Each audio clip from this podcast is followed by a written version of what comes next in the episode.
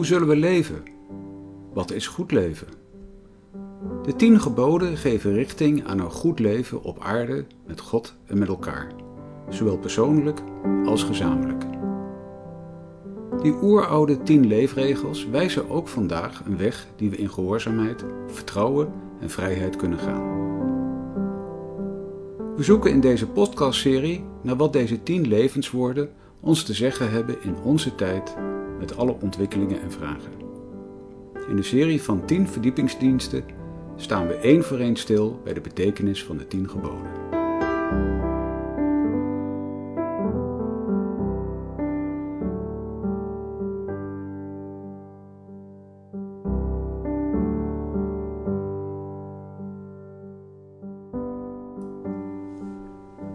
Dit is de tweede preek in de serie van 10. Het tweede gebod. Maak geen godenbeelden. Voorganger is dominee Dick Wolters. Opgenomen op 29 augustus 2021 in de Noorderkerk te Amsterdam.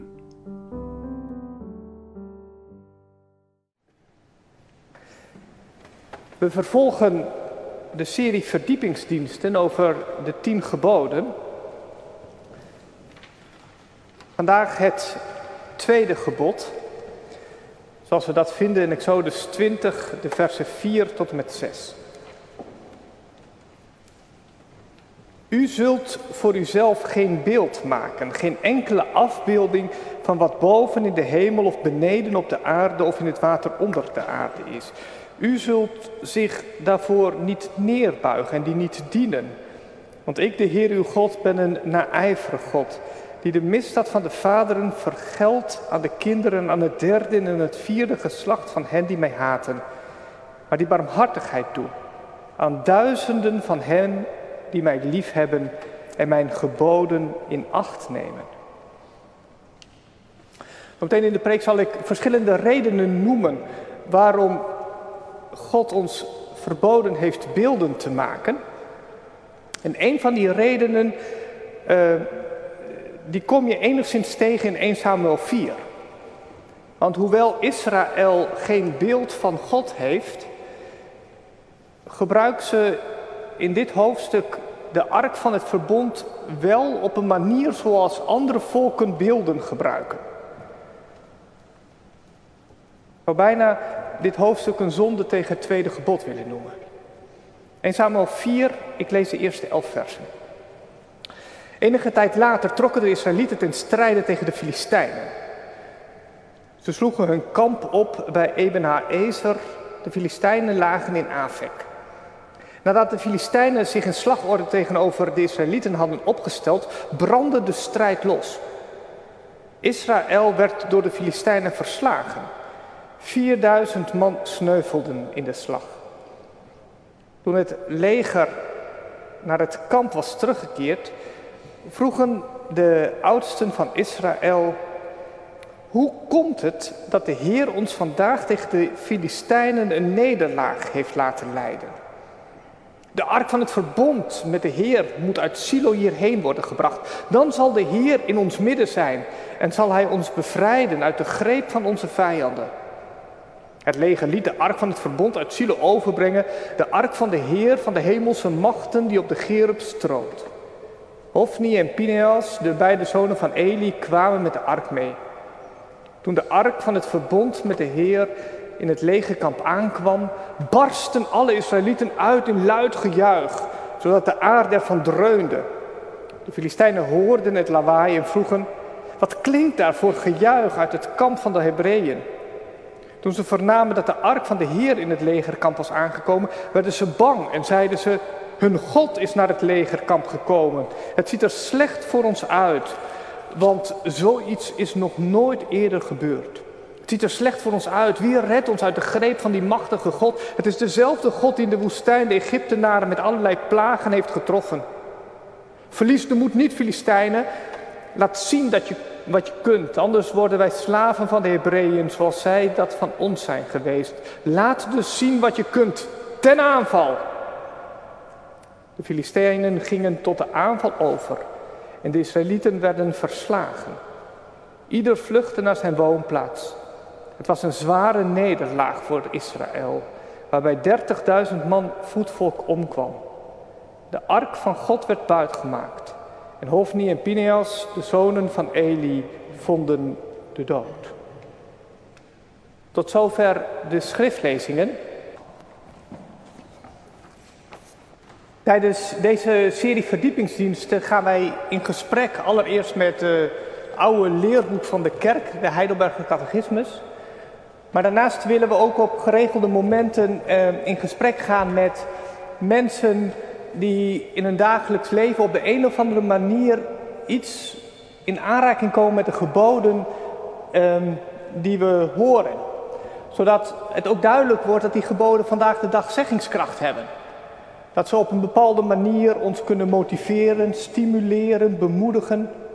Of soms ook misschien wel tegen kunnen staan of ons in verwarring kunnen brengen, spanning kunnen oproepen. Uh, hoe vinden die geboden vandaag de dag plaats?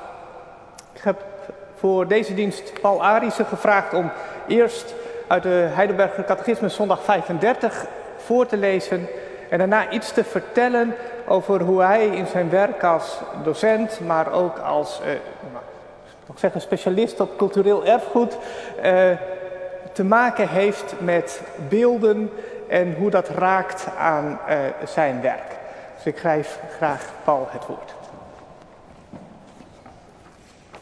Ik lees de vragen 96, 97 en 98 uit de Heidelbergse catechismus. Wat gebiedt God in het tweede gebod? Dat wij God op geen enkele manier afbeelden. Ook dat wij God alleen vereren op de manier zoals Hij dat in de Bijbel heeft bevolen. Mag je dan helemaal geen beelden maken? God kan en mag op geen enkele manier worden afgebeeld. Schepsels mogen wel worden afgebeeld. God verbiedt alleen dat we die afbeeldingen gebruiken om hen daardoor te vereren of om God ermee te dienen. Mogen we in de kerk geen beelden hebben die kunnen dienen als uitleg van de Bijbel? Nee, zegt de catechismus, we moeten niet wijzer willen zijn dan God. Hij wil ons niet door zwijgende beelden, maar juist door de levendige verkondiging van zijn woord onderwijzen.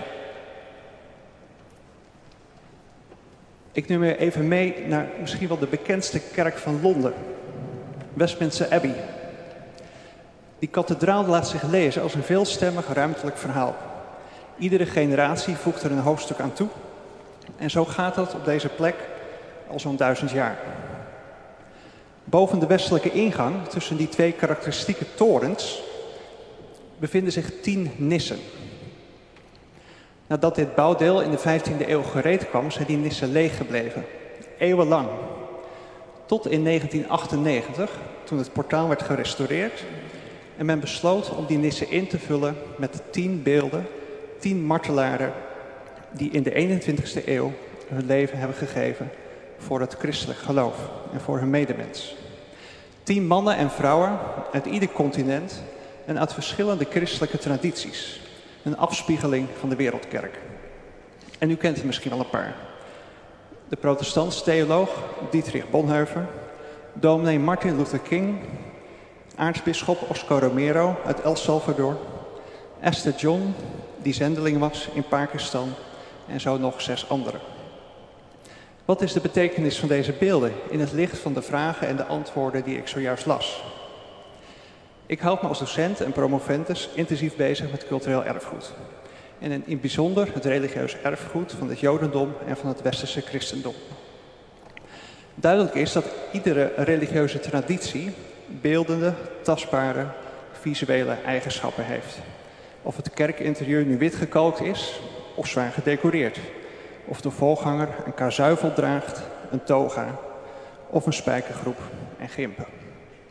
Ook wij protestanten kunnen niet zonder vorm. En wat mij boeit is hoe al die gebouwen en voorwerpen vertellen over de religieuze ideeën en idealen van hun gebruikers en van hun tijd.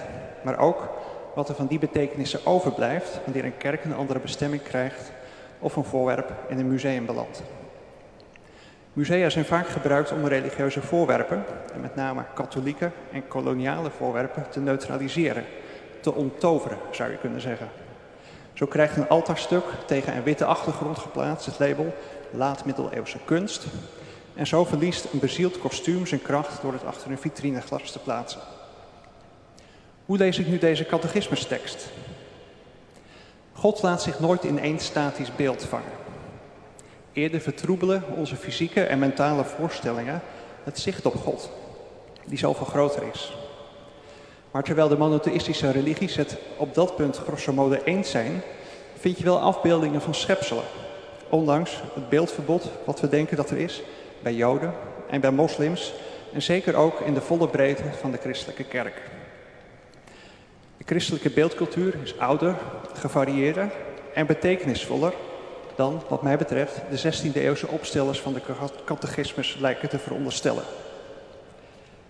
Voorstellingen van bijbelse figuren of van heiligen worden niet aanbeden alsof die personen of de voorstellingen zelf een goddelijke status hebben. Dat is eigenlijk vooral een protestantse karikatuur. Deze voorstellingen dienen om de aandacht te focussen. Zijn identificatiefiguren, richtingwijzers of vensters op een andere werkelijkheid. En die mag je, wat mij betreft, ook met gepaste eerbied tegemoet treden. In het geloof dat onze redding alleen bij God is. Overigens maken ook wij protestanten volop gebruik van beeld in de geloofsoverdracht. Kijk er thuis de kinderbijbel maar eens op na, bijvoorbeeld. Intussen kijk ik met respect omhoog naar Bonhoeffer, King, Romero, John en hun metgezellen als ik dat portaal in de Westminster Abbey passeer. Omdat deze beelden, wat mij betreft, niet zwijgen, niet stom zijn, maar u en mij heel indringende vragen voorhouden. Vragen die alles te maken hebben met het woord dat onder ons heeft gewoond en dat de mensen zichtbaar en tastbaar wil zijn. Bedankt Paul. Mooi dat verhaal. In de verkondiging zal ik nog uh, het nodige rondom dit gebod zeggen. Maar eerst uh, zingen met elkaar. Opwekking 755. Gemeente van onze Heer Jezus Christus. Eén beeld zegt meer dan duizend woorden. Dat is een bekend adagium. Eentje die ons misschien wel aanspreekt, zeker in de postmoderne beeldcultuur waarin wij zitten. We scrollen vaak door de socials heen, zonder eigen acht te slaan op woorden, maar zien de beelden, laten ons raken door foto's. En misschien zijn we bereid om eens een keertje wat te lezen als een afbeelding ons echt treft. Maar anders zijn we weer snel doorgescrolld. Vergelijk eens kranten en tijdschriften met elkaar door de tijden heen. En je zult zien dat beelden steeds prominenter worden en dat de teksten steeds korter zijn. Nou zeg ik wel onze postmoderne beeldcultuur. Maar dat adagium over een beeld dat meer zou zeggen dan duizend woorden, komt oorspronkelijk van vijf eeuwen voor Christus. Wordt toegedicht aan de Chinese filosoof Confucius. Mensen zijn altijd al visueel ingesteld. Je ziet het in de Bijbel. Als Mozes even iets te lang in de wolk bij God verkeert, dan zijn ze beneden in het dal in paniek. We moeten ons een beeld maken. Want we hebben geen zichtbaar teken dat God onder ons is. En ze maken een kalf. Niet om een andere God te dienen, maar om de God die hen uit Egypte bevrijd heeft te visualiseren. Laat ons de Vader zien, vraagt Filippus aan Jezus. En ik denk dat dat verlangen, dat we dat wel herkennen. God willen zien. Zeker als je het een tijdje wat lastiger hebt. Als je zorgen kent. Of als je in spanning zit. Of als je niet precies weet welke weg je moet gaan. Nieuwe wegen. Ik zou zo graag God willen zien. En dan kan het lijken alsof het tweede gebod snoeihard de weg van het visuele afsnijdt. Maak geen beelden. Vorige week hoorden we naar het eerste gebod. Ik ben de Heer, jullie God, die jullie bevrijd heeft. Dien geen andere goden. Blijf bij je bevrijder. Dien niet de goden van de Egyptenaren of van de Canaanieten. Dien niet de goden van de vruchtbaarheid, van oorlog, van macht.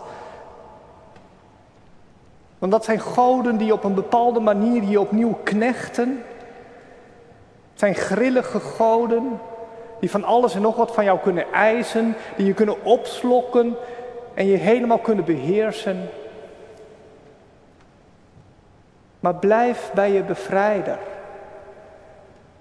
Zoals een vis slechts leeft in het water. Zo kunnen wij slechts leven verbonden met deze God. In het eerste gebod gaat het dus over de vraag: welke God dienen wij? De God die ons bevrijd heeft. Het tweede gebod gaat over de vraag: hoe dien je die God? Hoe dien je je bevrijder? En dan is het allereerste antwoord: Hem dien je in ieder geval niet door een beeld van Hem te maken. Door Hem op te sluiten in iets van steen, van metaal. Om hem vast te pinnen. Want dat is wat er gebeurt met een beeld.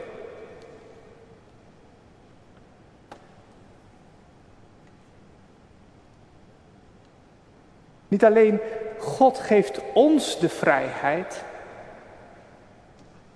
maar wij moeten Hem ook vrij laten. Hem in vrijheid dienen. Dat Hij zichzelf mag zijn. Zoals Hij ons de vrijheid geeft. Alleen zo kan het echt tot een, tot een wederzijdse relatie komen van liefde, van dienstbaarheid. Als Hij ons de vrijheid geeft en wij Hem de vrijheid geven. En hem dus niet vastpinnen, zoals, zoals de Egyptenaren konden doen. Als je een Egyptenaar kon vroeg waar zijn je goden, dan zei je nou daar, daar staat het beeld van Ra. Daar vind je dus Ra. En als je even verder loopt, dan kom je de tempel van Osiris tegen. En even aan de andere kant van de stad, daar is Isis te vinden. God is daar waar zijn beeld is. En dat kan superhandig zijn. Want als je God nodig hebt, dan weet je precies waar je zijn moet. Nou, daar waar zijn beeld is.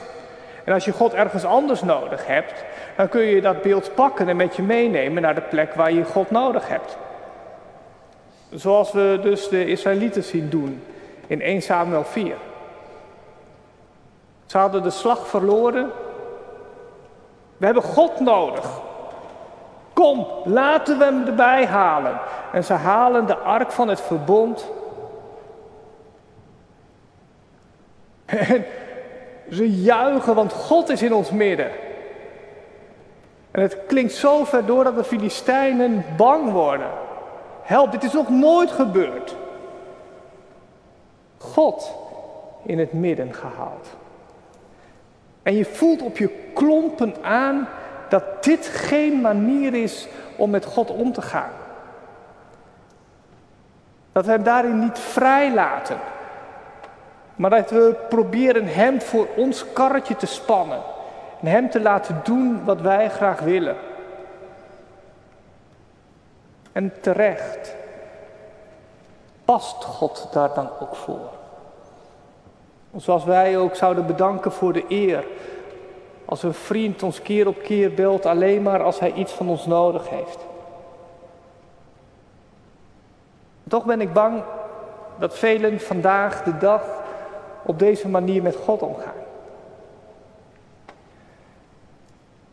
Dat we alleen Hem zoeken, naar de kerk gaan, in gebed gaan, als we iets van Hem nodig hebben. En als hij dan bedankt voor de eer, dan heeft hij afgedaan. Waarom?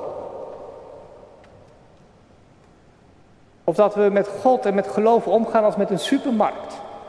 Dat we er doorheen wandelen en eruit pikken waar wij behoefte aan hebben en de rest laten liggen. God moet er voor ons zijn. Zo kun je God dus vastpinnen op een bepaalde plek en hem voor je karretje spannen. En het tweede gebod zegt, zo ga je niet met mij om.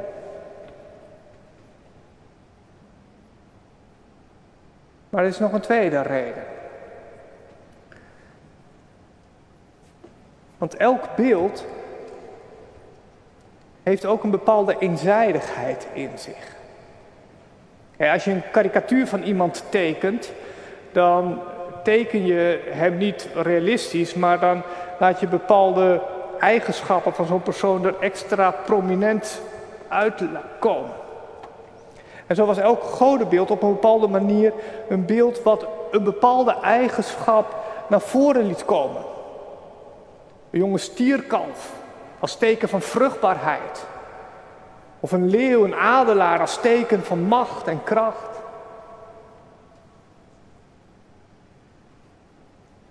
En zo kom ik ook nogal veel mensen tegen die op een bepaalde manier een beeld hebben van God.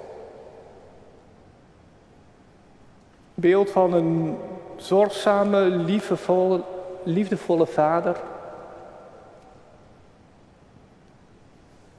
Een beeld van een rechter. Beeld van een krachtige soldaat. In onze beelden van God kunnen we bepaalde eigenschappen van Hem uitvergroten. En dat kan voor de ene een hele troostrijke ervaring zijn. Aan zo'n God wil ik mij verbinden. Voor een ander kan zo'n beeld ook een reden zijn om, om afscheid te nemen van God. Een straffende God die mensen naar de hel stuurt, daar hoef ik niks mee. Of juist een tandeloze God die niks kan. Heb ik niks mee. Maar keer op keer klinkt het in de Bijbel, met wie wil je mij eigenlijk vergelijken? Welk beeld maak jij je van mij? Het is leuk dat je bepaalde eigenschappen naar voren haalt, maar pin me ook daar niet op vast, want ik ben oneindig veel gelaagder dan dat. Zoals het ons ook pijn zou doen. Als een vriend of vriendin altijd maar één eigenschap van ons eruit haalt. En je bent toch altijd, ho, ho, ho, doe me nou eens recht. Zie mij. En zie dat, dat ik veel complexer ben.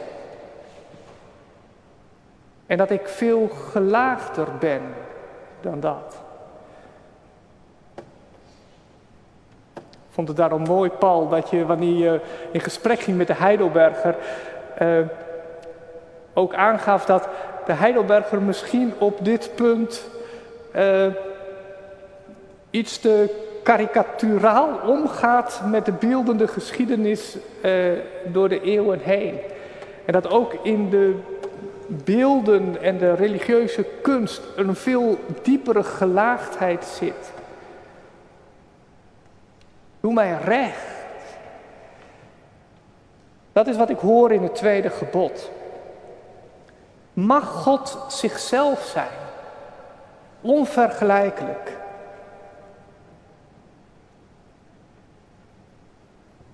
Natuurlijk zeggen we dan. natuurlijk mag God zichzelf zijn. Maar Heer, mogen wij dan ook onszelf zijn? Ook in onze behoefte aan het visuele.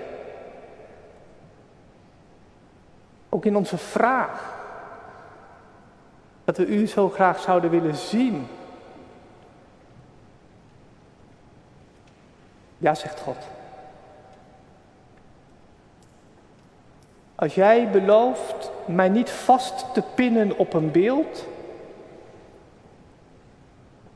wil ik een beeld van mijzelf maken.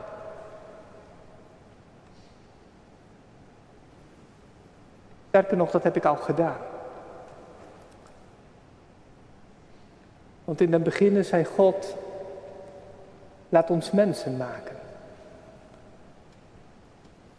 Als ons beeld. En hij schiep de mens. En legde zijn beeld in ons. Wil je God zien? Kijk dan eens om je heen. Kijk eens naar je partner. Naar je kind. Naar je vriend. Naar je collega. Naar die buurtbewoner van je. Teamgenoot, naar je klasgenoot. Zie je in hen iets van God? Zie je iets van zijn creativiteit? Van zijn zorg voor de schepping? Zie je iets van zijn bevrijdende liefde? Van zijn ontferming, van zijn barmhartigheid, van zijn oog voor het uitschot van de samenleving?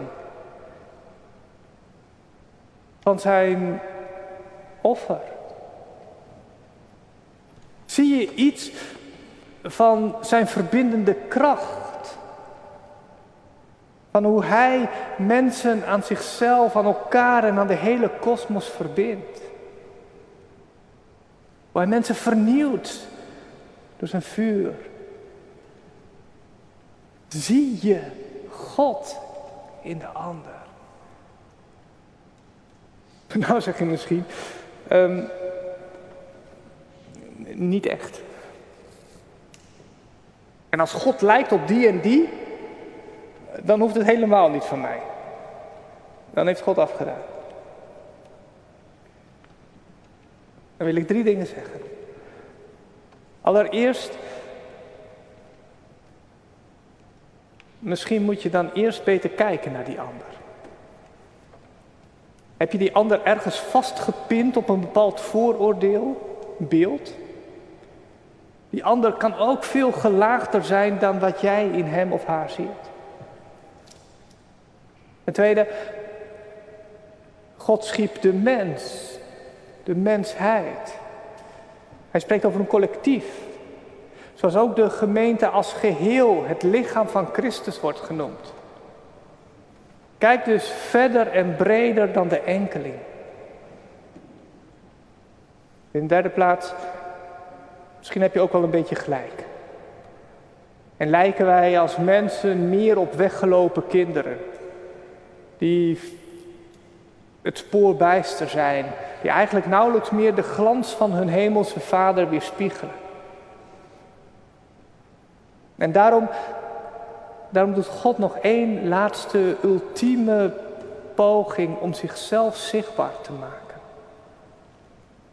Hij zegt, ik kies één mens uit. En in hem leg ik alles van mijzelf. In hem word ik zelf mens. Ik kom in Jezus. We hoorden de lofprijzing aan tafel. Beeld van de onzichtbare is Hij. Het onvoorstelbare wordt daar werkelijkheid. God die niet voor ons te zien is, krijgt een menselijk gezicht. Beeld van God onder ons. Als Filippus aan Jezus vraagt, laat ons de Vader zien, dan wordt Jezus verdrietig. Ben ik al zo lang onder jullie? En ken je me nou nog niet? Ja, zegt God dus. Ja, ik ken jullie en ik weet hoeveel behoefte jullie hebben om het zichtbaar te maken. En daarom maak ik mij ook zichtbaar voor jullie. Ik word mens. Dal af. Zie mij. Het beeld van mijn zoon, Jezus Christus. Zie mij.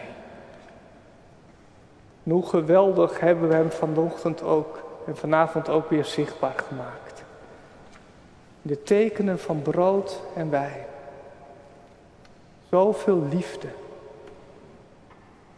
Ook ras-echte protestanten, terecht op dat zij, kunnen niet zonder het visuele. Ook wij maken God zichtbaar. Maak hem zichtbaar. In deze tekenen. Het tweede gebod is dus niet een streep door onze beeldcultuur. Niet een veroordeling van het visuele.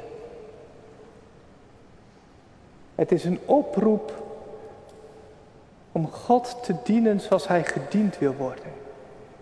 In alle vrijheid. En om Hem te zien daar waar Hij zichzelf laat zien. En hoe geweldig is het dan? Als ergens in ons religieus en cultureel erfgoed daar ook tekenen zichtbaar van worden. Niet als plekken van aanbidding, maar juist als vertolkers van een boodschap. Van de boodschap dat God zich in Christus zichtbaar heeft gemaakt. Dat het woord vlees is geworden. Dat we een beeld van God onder ons hebben. Lof zij zijn naam, Jezus onze Heer. Amen.